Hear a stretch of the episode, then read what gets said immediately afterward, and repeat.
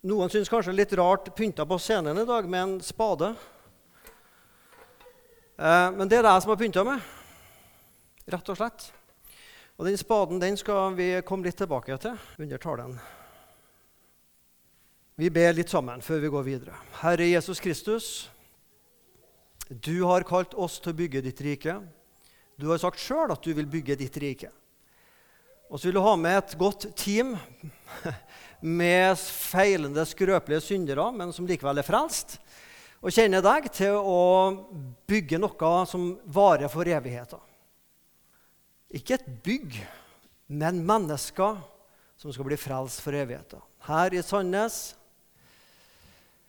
og Somalia, i Kenya, i Tanzania, Peru, Bolivia. Og så skal ikke vi ramse opp alle navnene av Jesus, for du kan geografien bedre enn oss.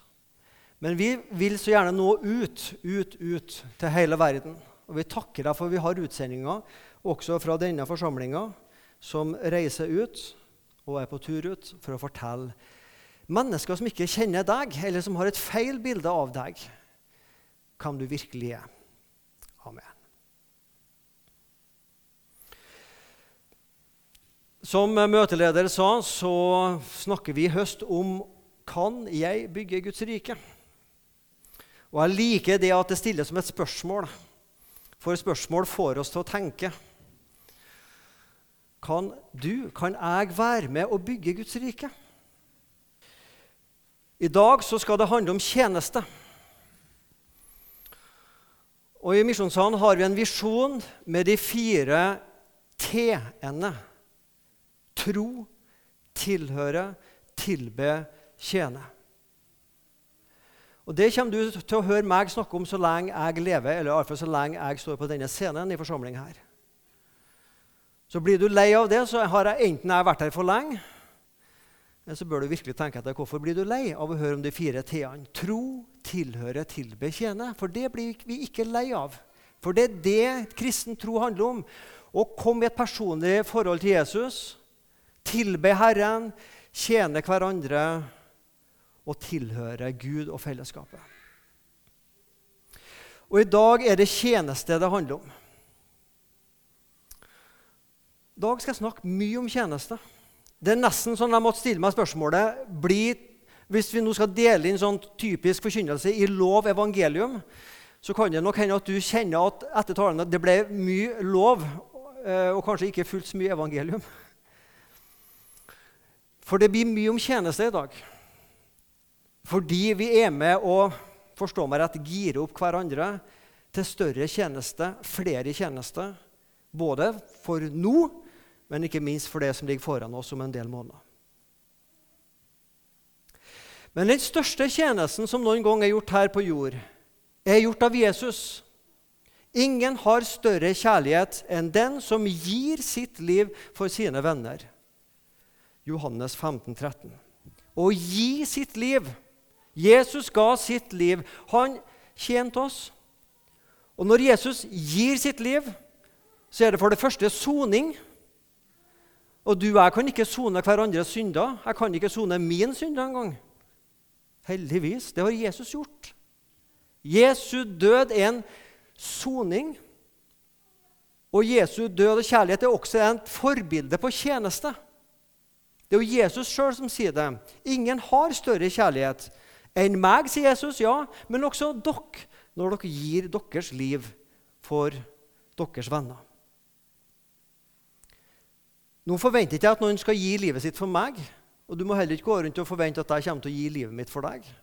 Jeg tror kanskje i beste fall kunne jeg gitt det for kona og barna, men ikke for noen av dere. Og du heller ikke for meg. Men vi kan likevel gi våre liv på en annen måte med å tjene for hverandre. Gi av våre tid, krefter og penger. Vi er i Nehemjas bok denne høsten, i alle fall fram til starten av desember. Og I dag er det delvis fra kapittel 3 vi skal lese noe. Og Nehemjas bok i korte trekk er at presten Esra, som den åndelige lederen, og praktikeren Nehemja, som var, skulle bygge en mur, de er et godt team for Gud for å bygge opp igjen Jerusalems murer, som er nedbrutt etter de kommer hjem fra Babylon, ca. år 500 før Kristus. De er et godt team, og det åndelige og det praktiske går hånd i hånd. Og Det er noe vi også ønsker for forsamlinga her. Det er ikke bare åndelige ting vi driver på med. Det er mye praktiske ting. Men alt har en åndelig og en evig hensikt. Også det praktiske. Og Det er jo sagt til oppmuntring, sånn at ingen skal tenke at ja, men jeg gjør jo bare en sånn praktisk tjeneste med en spade, eller noe, og det er sikkert ikke så mye verd. Jo, det er mye verd i den store sammenhengen. Nehemia og Esra, for å bruke en fotballtrener sitt språk, de spilte hverandre gode. Kollektive samhandlinger, var det en som sa en gang. De spilte hverandre gode. De hadde ulike gaver. Nehemja har fått lov av kong Artaserkses, et språklig semoment å si, i det persiske riket å dra fra Babylon til Jerusalem for å undersøke forholdene. Og Det står elendig til. Han har vært ute om natta og kikket på murene, og han har bedt lenge og inderlig til Herren Gud. Og Så får han med seg folket, og sammen så arbeider de, og så ber de. Arbeid og bønn, arbeid og bønn. På latinsk ora et labora. Ora og be, labora, labor, arbeid. Ora et labora, be og arbeid. Og så kommer vi til kapittel 3, som misforstå meg feil eller rett, hva det heter, er egentlig et forferdelig kjedelig kapittel. Det er oppbremsing av fullt av navn. Det er ingen der som har normale navn. Det er ingen som heter Svein og Anton og Kari og sånne navn. Veldig spesielle navn. Så det er liksom et oppremsing av navn. Det er ikke noe sånn veldig oppbyggelig kapittel 3 hos Nemia. Men det er likevel ting her som vi skal stoppe med. Øverstepresten Eliashib og brødrene hans, prestene, gikk i gang med å bygge saueporten. De helliget den og satte inn dørene. Deretter helliget de muren helt til hundretårnet og Hanana-eltårnet. Ved siden av dem bygde mennene fra Jeriko, og ved siden av dem bygde Sakkur, sønn av Imri. Fiskeporten ble bygd av etterkommerne til Sena. De tømret dem og satt den opp og satte inn dører med bolter og bommer. Ved siden av dem arbeidet Meremot, og ved siden av ham så arbeidet han og han, og så bak den og etter den så jobba sånn og sånn. Ei lang oppremsing av navn. Egentlig kjedelig, men tenk det! De har navnet sitt i Bibelen. da. Det er noe for ettertida, det. Jeg har navnet mitt i Bibelen. liksom. Her er det et interessant uttrykk. De helliget porten. Deretter helliget de muren. Det har jeg aldri sett før. Og jeg klødde meg litt i hodet. Hva betyr det? Et interessant uttrykk. De hellige stein og mørtel, bricks, altså byggesteiner, hellige dem. Ja vel, hva betyr det? La dem hendene på steinene før de satte dem inn? Kasta de hellig vievann på steinene og muren? Jeg vet ikke. Men det jeg tror det betyr Det vi her bygger, det skal ha en annen hensikt og en annen oppgave enn hvis vi har brukt disse steinene og bygd en barneskole, barnehage eller Rema-butikk for dem. Dette er, som vi nå bruker her, dette er satt til side for en hellig oppgave, for en større hensikt enn en barneskole eller matbutikk måtte være. Denne døra er bygd av murstein og skal åpne opp for mennesker som skal komme inn for å søke den hellige Gud.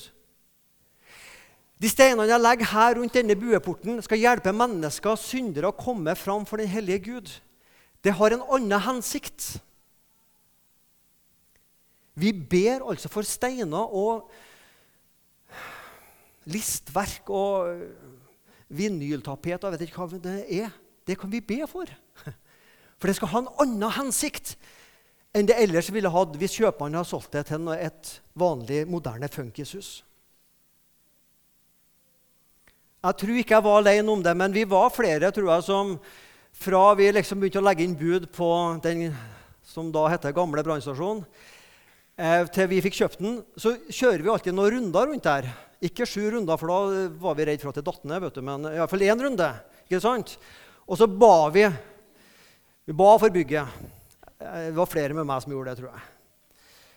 Og så når jeg kom hjem fra arbeid, så sa kona har du kjørt rundt bygget i dag. Ja, jeg har kjørt i dag og bedt i dag òg. Og det gjorde jeg i mange måneder. Helt til hun en dag sa Du, Svein, så Kanskje du nå heller skulle ha begynt å be for de menneskene som skal ta den beslutninga hvem bygget skal selges til, enn å be for bygget. Ja, det var en god idé, min kjære kone. Men poenget Vi kan be for folk, men vi kan be for bygg. At det som skal skje i dette bygget, har en større hensikt. Det praktiske arbeidet du legger ned i misjonssalen, om det så er å vaske gulv, så er det en hellig vask, så det dufter deilig for dem som kommer etter deg, å komme inn i Guds hus. Dette er for å oppgradere det praktiske arbeidet, sånn at ingen skal tenke jo, men det er bare noe praktisk vi må gjøre. Nei, det er et hellig arbeid. så står det om disse at de arbeider ved siden av. Vi står spredt på muren, langt fra hverandre. Det var sikkert mer enn dagens meter de sto fra hverandre. Og arbeida. Ved siden av han så jobba han, og så jobba hun, og så jobba det ekteparet, og så jobba han og hun osv. rundt hele muren. Etter dem arbeidet, står det også. Disse uttrykkene går igjen mange ganger i Nehemia kapittel 3. For det første sier det noe om proff organisering, dyktige arbeidsmenn. Og Jeg tror ikke det var presten Esra eller andre åndelige ledere som leda byggearbeidet. Men det var dyktige arbeidere som kunne organisering, økonomi, som organiserte dette arbeidet sånn at Guds rike skulle vokse og gå fram. Og så var det en villighet til å jobbe sammen mot større mål enn bare å bygge seg sjøl et flott funkishus. Noen hundre år tidligere, før Nehemia og Esra, så levde kong Salomo. Han kan du lese om i første kongebok, kapittel 8, 9-11. Han bygde seg sjøl et hus jeg, jeg, kan matematikk, men jeg er ikke så god sånn ellers på kvadratmeter. Men hvis jeg har dette rett, så står det at han brukte 13 år på å bygge sitt eget hus, som hadde 2500 kvadratmeter grunnflate. Og så brukte, brukte han og arbeidsfolket da, sju år på å bygge tempelet, som hadde 600 kvadratmeter som grunnflate. Så dobbelt så lang tid på sitt eget hus som tempelet. Tre-fire ganger så stort som tempelet. Ja. Sett det litt i perspektiv.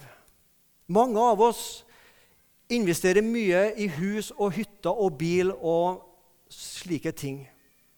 Og det skal vi ta godt vare på. Tenk så heldige som har muligheten til det.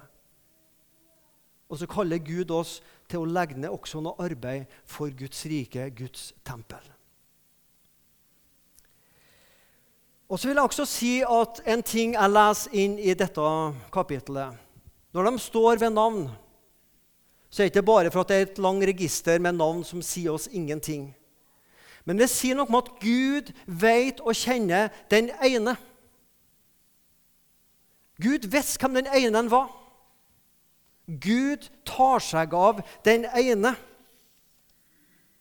Det var sikkert mange som sto rundt den muren og arbeida, som tenkte jeg er ikke så flink som han og så dyktig som hun. Gud ser ikke meg, Gud bryr ikke seg om meg. Iallfall i menigheten vi går i, så er det veldig få som ser og bryr seg om meg. Jesus tar seg av den ene som om ingen andre var. Han har tid for deg når hine, de andre, tid og time ikke har. 99 sauer. Den ene kom bort. Ni mynter på bordet, én var forsvunnet. To sønner, den ene var stakket av. Men det var den ene mynten, den ene sauen, den ene sønn som ble leita opp. Jesus tar seg av den ene. I ei menighet som etter hvert blir større og større, så blir jeg og du mindre og mindre synlig alt etter som vi blir flere. Men Gud ser deg. Du kan sikkert av og til føle at jeg blir kanskje ikke så mye sett i misjonssalen. Det er ikke så mange som spør meg lenger, sånn som før. Kanskje det, kanskje det. Jesus ser deg hver dag fram til du står frelst på himmelens land. Jesus så den ene arbeideren. Han kan navnet på dem, sjøl om vi syns at navnene var rare. Jesus tar seg av den ene. Jesus trenger den ene. Så hadde disse arbeiderne litt forskjellig holdning til arbeidet. Og Derfor har jeg tatt med denne spaden her som et eksempel. For den sier oss noe. For tre-fire-fem år siden så arbeidet ei her i forsamlinga som heter Signo Lava. Og På kontorpulten hennes så lå den hammeren der. Og Jeg lurte veldig lenge på hvorfor ligger den hammeren der. Er det et bilde hun ennå ikke har fått hengt opp? Hva er det for noe? Skal hun dunke meg i hodet hvis det er noe, eller hva, hva skal hun med den hammeren? Helt til hun en dag sa på den scenen her Denne hammeren er for meg et bilde på hva, hvem jeg er, hva min oppgave i Misjonssalen er. Jeg skal banke inn og knagge, sånn at barna, ungdommene, har noe å henge troa si på. Noe de kan huske. Hun skulle ikke banke dem i hodet, men hun skulle banke inn og knagge, sånn at det var enklere å huske hva er det Jesus og den kristne tro handler om. Så hver gang jeg ser den hammeren her på, Han ligger på kontoret ennå. Så tenker jeg på det hun sa. Og så tenker jeg på denne spaden her. La den symbolisere litt ulike holdninger vi kan ha til det å være med å bygge Guds rike. I det kapitlet vi nettopp las, kapittel 3, eller vi las jo bare tre vers, da, så står det videre der Ved siden av dem jobbet sånn og sånn. Ved siden av dem arbeidet mennene fra Tekoa. Men de fremste blant dem ville ikke bøye nakken i arbeidet for Herren sin. De ville ikke bøye nakken. Nei. Dette arbeidet der det er for enkelt for meg. Det er for simpelt. Jeg gidder ikke.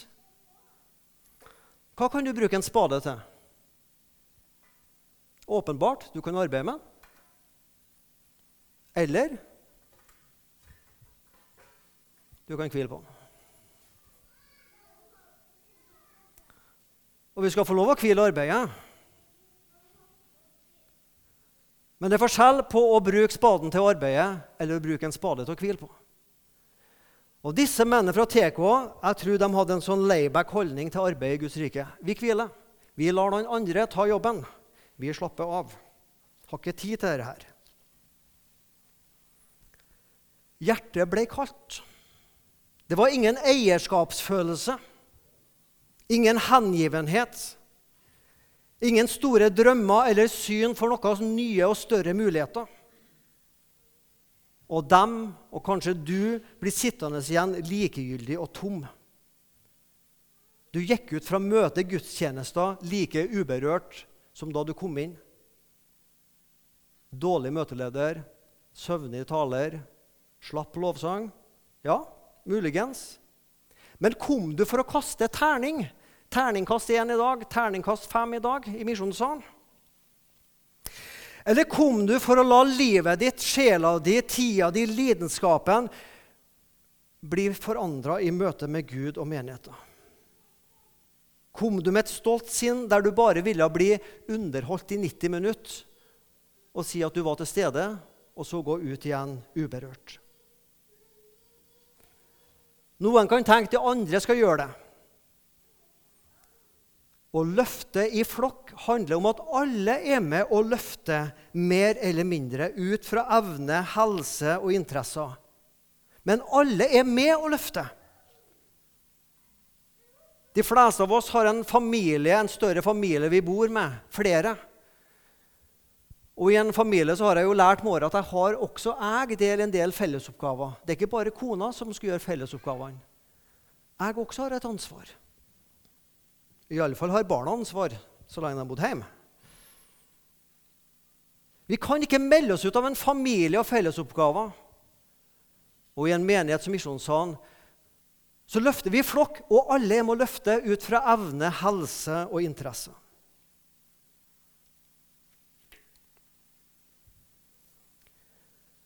På regionsårsmøtet for ett år siden så var det en som stilte følgende spørsmål. Eller, ja, han stilte følgende spørsmål. Ta bort det som synes smått. Hva sitter du da igjen med? Ta bort det som synes smått. Hva sitter du da igjen med? Hvordan blir en bekk til? Når vannpytter blir enige om at vi finner sammen, så blir det en liten bekk. Hvordan blir en stor bekk til? Mange små bekker blir enige. Ok, vi renner samme veien. Så blir vi en stor bekk. Og Når du har mange store bekker, så får du ei lita elv. Og når du har mange små elver, og nå skjønner du hva jeg skal hen, så får du ei stor elv. Og når Nilen og Mississippi og disse kjempeelvene renner ut, så blir det verdenshav. Men alt starta med en liten vannpytt. Ta bort den lille vannpytten, og du har fortsatt Nilen. Ta bort ti vannpytter, og du mangler en liten bekk. Og til slutt så er Nilen tørr. Hva sitter du igjen med hvis vi tar bort det som er lite? Og Han som stilte spørsmålet på regionsårsmøtet, svarte sjøl du sitter igjen til slutt med ingenting. Men hvis vi alle har det lille som vi bidrar med, så sitter vi i alle fall igjen med noe. Og sammen kan mange noe bli til noe stort, folkens. Det vil merkes i misjonssalen i Sandnesporten om du og jeg ikke lar vår lille vannpytt bli en del av den rennende, store, frådende vannstrømmen som skal spre Guds velsignelse ut til folket. Tilbake til Nehemia kapittel 3. Etter ham arbeidet Baruk, sønn av Sabai med stor iver arbeidet han på en annen del fra hjørnet og så bort sånn og sånn. Han arbeidet med stor iver, for han var ikke spaden noe han skulle hvile seg på og vente til lunsjen. Blir vel godt påsmurt til lunsj, vet du. Ikke sant? Han var ikke blant dem, men han brukte spaden med stor iver og arbeid i Guds rike. Du har fått en spade som du også skal arbeide med. Det er ingenting i verden som er så viktig å gi sitt liv til som å være med og bygge Guds kirke på jord. Vi gir oss først til Jesus Kristus, han som ga seg for oss. Og så gir vi oss til å være med og bygge Guds rike.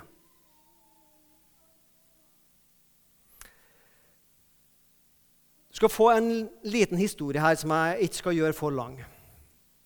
En amerikansk pastor forteller fra sin ungdom. Han var ca. 20 år. Og dette er ca. 40 år siden. Han er en mann på ca. 60 år i dag som starta ei kirke som ble ei megakirke som samler flere titalls tusen mennesker hver uke. Og Han fortalte at han var vokst opp i ei lita kirke.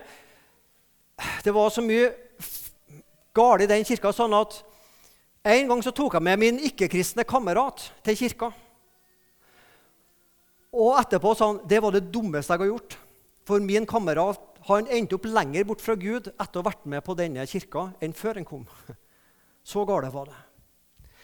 Men, og her er poenget En dag så går, begynner han på en kristent eh, universitet. High school, eller hva det heter for noe. University i Chicago og blir sittende og høre på en teologisk professor. Og så forteller denne pastoren mange år etterpå Denne teologiske professoren han leser fra Apostlenes gjerninger 2.42-47. Og han sa Det var en gang i tiden et fellesskap av troende som var så radikalt hengitte til Gud. Alt det Gud ba dem om å gjøre, det gjorde de. Alt det Gud ba dem om å stoppe å gjøre, det stoppet de med. Gud utfordret hver enkelt ut på troens grenser, og de gikk dit for å se hvor Gud ville ta dem. Hvis det en gang i tiden fantes et slikt fellesskap av troende, så utviklet dette fellesskapet et radikalt kjærlighetsfellesskap til hverandre, og de ble som en familie. De delte måltidene i hverandres hjem, og de stoppet med å, å late som. De delte livene sine på et dypt plan. De erfarte hva det ville si å kjenne og være kjent, å elske og være elsket, å tjene og å bli tjent.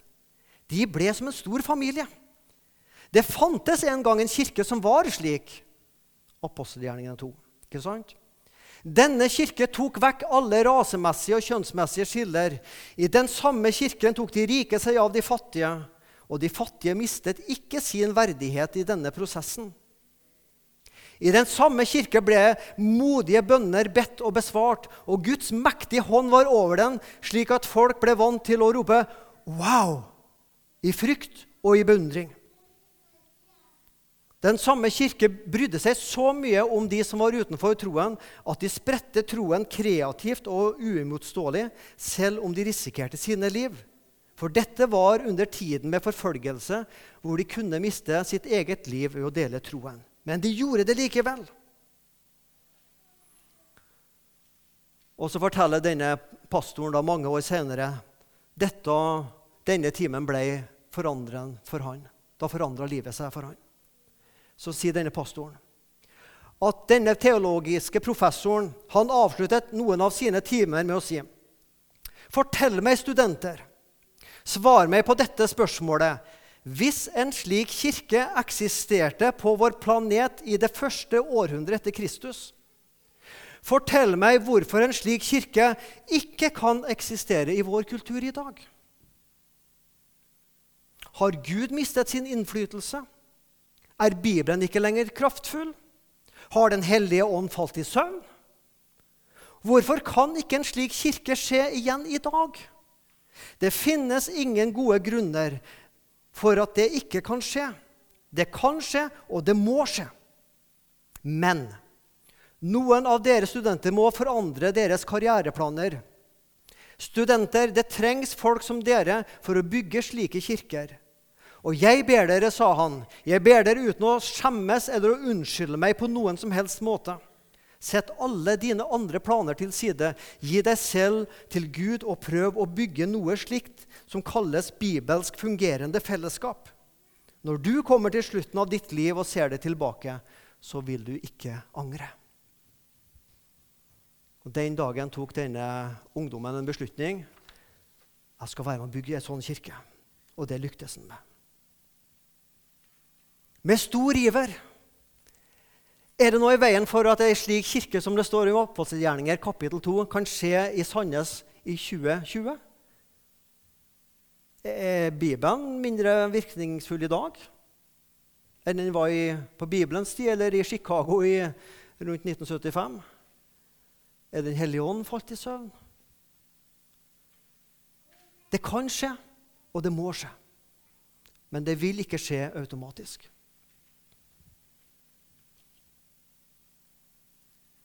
Baruk arbeidet med stor iver. Dette er det viktigste jeg kan gi mitt liv til. Det er mange viktige ting jeg kan være med på. Men ingenting overgår på å være med å bygge Guds rike. Kapittel 3 hos Nehemia er full av navn på enkeltpersoner, klaner, bygder som var med på å bygge arbeidet. Det var lange lister med navn. Og Det har vi også i Misjonssalen. Vi har mange lister. Medlemslister, lister på teknikere, lister på den som har kirkekaffe, lister på vaskere osv. Nå kommer det opp på skjermen her eh, mange tjenester. og Vi skal ikke tid til ta tid til å lese alle disse tingene der. Du kan jo se litt på det mens jeg snakker. da. Dette er de fleste eh, av tjenestene vi har i misjonssalen. Grupper, aktiviteter, tjenester som vi trenger folk til.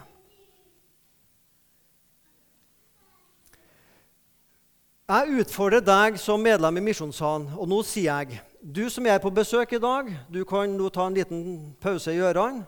Du som er ganske ny her og tenker på er dette en plass som skal være, eller jeg vil gå og se litt her først før jeg bestemmer meg. Du kan høre med et halvt øre. Men du som har gått her og er medlem her, du bør høre med tre ører nå, hvis du har ett ekstra.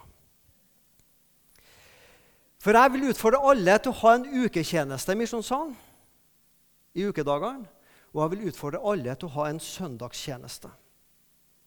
Og Nå skal jeg si litt om søndagstjeneste. For å ha et sånt møte som vi har i dag, så trengs det i gjennomsnitt 15 personer for å gjennomføre et møte. Med alle tjenester, med søndagsskole og alt i tillegg. Ca. 15. Fire helger i, måneden. 15 ganger 4 er 60, ikke sant? Vi trenger 60 enkeltpersoner for å gjennomføre søndagsmøtet. Når vi om ca. et halvt år ikke er her, men to km herifra, i Sandnesporten, så må vi kanskje ha 20-25 mennesker hver søndag for å gjennomføre et møte. Vi må altså ha 80-100 mennesker per måned bare for å gjennomføre søndagsmøtene. Og vi er ca. 125 voksne medlemmer i Misjonssalen. En del av dem er eldre, er syke eller av andre årsaker ikke kan være med å tjene. Og det er helt greit. Så er du blant dem, så kan du også lukke ditt øre nå. Men vi som er friske og har krefter og ev Jeg ikke, trenger ikke så mye evner, men har krefter Jo, det er flott med evner, men hvis alle medlemmer lover én søndag i måneden, da har vi det vi trenger av personer for å fylle alle tjenestene for å gjennomføre møtene. Men hvis du er, kan være med på det og ikke er med, så er det en som må gå inn på to tjenester i løpet av en måned. Moralen er du bør tenke deg nøye etter om du har en god nok grunn for å ikke ha en søndagstjeneste. Vi trenger alle mann på dekk. Og Du som av helsemessige årsaker vet at dette kan ikke du, du skal med stor frimodighet la være å melde deg. Men for oss som ikke har helsemessige utfordringer, eller at det er så travelt nå med de minste barna, eller andre ting, vi bør nøye tenke oss hvis vi ikke har en søndagstjeneste. Og Den aller, aller, aller, aller viktigste søndagstjenesten vi har hver søndag, det er det som foregår i andre etasje eller med Tvins utafor huset i dag. Det er søndagsskolen. Jeg har nesten til gode å møte en menighet som sier vi har altfor mye søndagsskoleledere. Jeg har møtt noen som har sagt vi, vi, har, vi har nok, vi har en god del. Men eh, menigheter som sier nei, vet, vet, vi har for mye søndagsskoleledere, det kan godt hende fins, men jeg har ikke møtt det. Men vi er skikkelig i behov for søndagsskoleledere, folkens. Én ting er det vi har nå. Noe større er det vi skal ha om noen, begynne med om noen måneder. Det opplegget som heter Awana, som er veldig lederintensivt. Så i løpet av oktober måned så kommer vi til å invitere folk etter et søndagsmøte til å komme og høre litt mer om hva det vil si å være en søndagsskoleleder. Ja, men jeg kan ikke holde andakt, sier du. Det er helt greit, det. Men kanskje kan du sitte i en gruppe sammen, to voksne og sju barn, og spørre hvordan har du hatt det på skolen denne uka her. Hvordan, hvordan går er det, liksom? Og bare snakke litt om det bibelverset dere har gått igjennom, som andaktsholderen holdt. Eller du tar ansvar for å ha en aktivitet med barna en gang i måneden eller to. Søndagsskolen, søndagsskole. Nå følte jeg meg som han der en Kolberg i Arbeiderpartiet. vet du. Fagbevegelsen, fagbevegelsen, fagbevegelsen. Hæ? Martin Kolberg. Ja, dette er ikke noen politisk tale, men han har skjønt det er noe som er viktig i det fellesskapet vi tilhører. Og noe av det aller viktigste vi driver på med, det er barna, barna, ungdommen, ungdommen, søndagsskole. Jeg er på oppløpssida, men gi meg tre minutter. For Jeg ønsker at du skal gå ut, ikke gå ut herifra med å kjenne at dette ble veldig lovisk. Nå ble det noe enormt med tjeneste og oppgaver og det ene og det andre. Så Derfor avslutter jeg med å gi deg to tanker, to lignelser, som du skal få bære med deg. Som begge to er sann, selvfølgelig for Jesus sa dem, og som har ulike poeng som må holdes sammen. Og det er Begge to er henta fra Matteus, Matteus 25 og Matteus 20. Matteus 25 om de ulike talentene. En som fikk én talent, en som fikk to, og en som fikk fem. Og Han som fikk fem, han tjente fem til, så det ble ti. Han som tjente to, han tjente to til, så det ble fire. Og han som tjente, hadde én talent, han frykta sin herre og mester så mye og var så redd for han at han grov ned talenten og lot den ligge ubrukt til hans herre kom tilbake. Han var redd for å miste noe verdifullt. I utgangspunktet en god holdning. Men han hadde fått som oppgave forvalt dette talentet sånn at det kaster av seg og blir noe mer av det. Du late og utro tjener, sier Hans Herre. Og det er jo et bilde på Gud sjøl. De fikk ulikt å forvalte, og en dag vil Gud kalle meg til regnskap for det livet jeg levde, og de valgene jeg tok, de prioriteringene jeg gjorde. Universets skaper vil ansvarliggjøre hver enkelt av oss. Han krever tilbake den eiendommen han har latt oss forvalte de årene vi fikk leve. På dommens dag tror jeg Gud vil spørre meg to spørsmål. Det viktigste spørsmålet er hva gjorde du med min sønn Jesus Kristus? Jo, jeg trodde på at hans soning på korset det er for mine synder. Jeg ga mitt liv til han, jeg tok imot Jesus i mitt hjerte. Så vil Gud si, riktig svart. Det er det viktigste svaret vi kan gi Gud. Men Gud tror jeg også vil spørre oss på dommens dag hva gjorde du med det talentet eller de talentene jeg ga deg? Vi har fått ulikt, men du har fått noe. Vel gjort, du gode og tro tjener. Du har vært tro over lite. Jeg vil sette deg over meget. Gå inn til den Herres glede. Ønsker du å høre det på dommens dag? Ja, det gjør vi. Vi ønsker å høre det på dommens dag. Den andre lignelsen fra Matteus kapittel 20 er at han som har vingården, han går ut og får tak i arbeidskraft klokka seks om morgenen. Og Da er det noen som sier ja, vi kan være med. Og Så arbeider de tolvtimers skift til seks om kvelden. Da går sola ned. Det blir mørkt. Hadde ikke noen lyskastere vet du, på den tida. Så da måtte du bruke fra seks om morgenen til seks på dagen. kvelden. Vi har båret dagens hete og byrde, jobbet tolv timer. Ja, du skal få en dagslønn. Yes. Så går han ut ved den tredje, sjette, niende time. Ja, til og med med den ellevte time, når det bare er én arbeidstime igjen. Hvorfor står du her? Er du lat? Gidder ikke du? Nei, men det er ingen som har spurt meg. Ja, men kom igjen, da. Ennå er det arbeid som må gjøres i vingården. Og så var, var det med noen som jobba én time. Og så kommer lønnsutbetalinga. Så starter vingårdseieren med dem som jobba én time. Og de fikk da én dagslønn. Ikke bare én time, men én dagslønn. Og klart, Hadde jeg vært den som har jobba tolv timer, så hadde jeg tenkt OK, for dem en dagslønn. Jeg har jobba tolv ganger så mye. Da, da, da, det blir oppgradering av uh, Toyotaen, altså. Hæ? Dette blir bra. Og så kom da de fram som jobba hele dagen, og de fikk én dagslønn. Om du hadde jobba én time, tolv timer, spilte ingen rolle. Du fikk Guds godhet.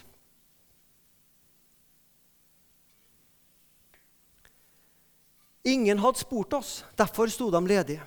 Og kanskje er du her i Misjonssalen som tenker ok, ingen har spurt meg. Ja, men nå spør jeg deg. Og jeg skal være sistemann som går ut herifra i dag. Så uh, du finner meg her. Vi som har båret dagens byrde, heter vi må ikke se ned på dem som har gode grunner for å jobbe kun én time.